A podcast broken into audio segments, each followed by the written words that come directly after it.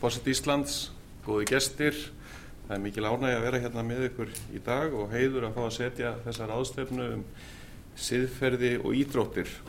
Og ég vil nota tækifærið og þakka Guðmundi Sæmundsinni og Siðfræðistofnun Háskóla Íslands fyrir að hafa frumkvæða því að stefna hér saman breyðum hópi sérfræðinga og fórustu fólki úr íþróttarhefingunni til að leita svara við spurningunni sem er yfirskrift ráðstefnunar ríkir gott siðferði í íþróttum.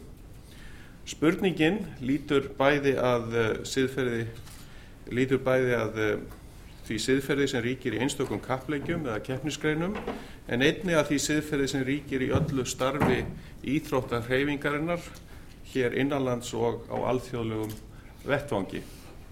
Spurningin er þannig, þannig afar brín fyrir sjálfa íþróttarhefinguna og um leið fyrir samfélagið allt.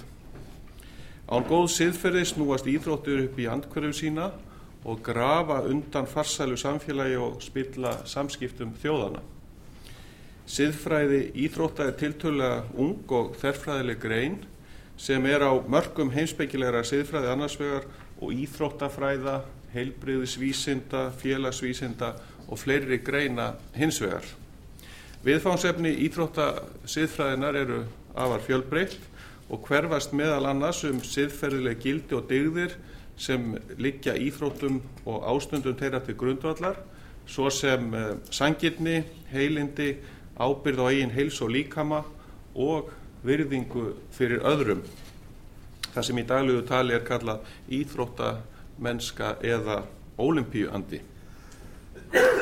Íþróttir leika gríðarlega stort hlutverk um allan heim og okkar tímum og hefur útbreysla þeirra aldrei verið meiri. Til margsum það má nefna að aðildaríki alþjóða knastbyndusambandsins FIFA eru nú 211 tölu og er sambandi því stærra en saminuð þjóðirnar með sín 193 aðildaríki. Það er sannarlega gleði efni hversu margir leggja stund á íþróttir í einhverju mynd og hver al, mikill almennur áhýr á þeim en það eru jákvæð áhrif íþrótt á heilsu og heilbrið lífverðni ótfýrað. En samfara aukinni útbreðslu almennings íþrótta, þar sem áherslan en gjarnan á að vera með, hefur keppnisharkan aukist í atvinnu íþróttum vegna þrótlausar kröfum árangur, sigra og met. Við slíkar aðstæður er hættið að kappið beri fegurðina ofurliði, sigurlaunin og fræðaljómin blindi íþrótta ytkendum sín. Samlega þessari þróun hefur fjárhagsleg og pólitísk þýðing íþrótta vaksið í aft og þétt. Það líður vars á dagur að ekki sé fjallað í fréttum um kaup og sölu íþróttamanna fyrir svimandi háar fjárhæðir, byrtir eru listar yfir tekjuhæstu íþróttafólk heims, síningaréttur, á íþróttaviðburðum gengur kaupum og sölum fyrir gífurlega fjármenni, fjárfestar, sölsa undir sig heil íþróttafélag í hagnaðaskinni, veðmála, brask, mútu, greiðslur, aukast og hafa áhrif á, á, á úslið kappleikja og ákvarðanir um staðsetningu stóra íþróttaviðburða svo dæmi séu tekin.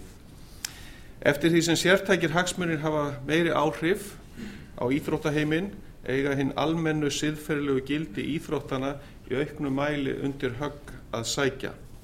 Allt eru þetta jafnland nýviðfangsefni íþrótta siðfræðinar og þeim fylgja áleitnar spurningar svo sem um þáttöku barna í keppnisíþróttum, kynja misrétt í íþróttastarfi, notkun livja til að bæta árangur, veðmál, spillingu og mútur svo nokkuð sé nefnt. Til allra hamingju lifir hinn uppröðunlegi íþróttaandi þó enn góðu lífi og virðingin fyrir siðferðilegu intæki íþróttana stendur víða traustum fótum. Lifandi vittnisspörður um það er glæsilegur árangur íslenskra íþrótta, karla og kvenna á síðust árum en sínt hefur verið fram á með góðum rökum að þessi árangur er ekki síst því að þakka að lögð hefur verið rægt við siðferðilegar dygðir íþróttana í æskulís og íþróttastarfi hérlendis og er vonandi að svo verði áfram um ókomna tíð. Íþróttir geta því laða fram það besta og það versta í fari okkar. Það er verðugt og krefjandi verkefni fyrir íþróttarhefinguna og sérfræðinga á þessu sviði að stöðla því að íþróttir hafi áfram jákvæð og uppbyggileg áhrif ekki síst á börn og ungmenni en um leið á allt samfélag okkar forsenda þess að svo megi verða er að gott siðferði ríki í íþróttum. Góði gestir ég þakka fyrir mig og segi ráðstefnuna setta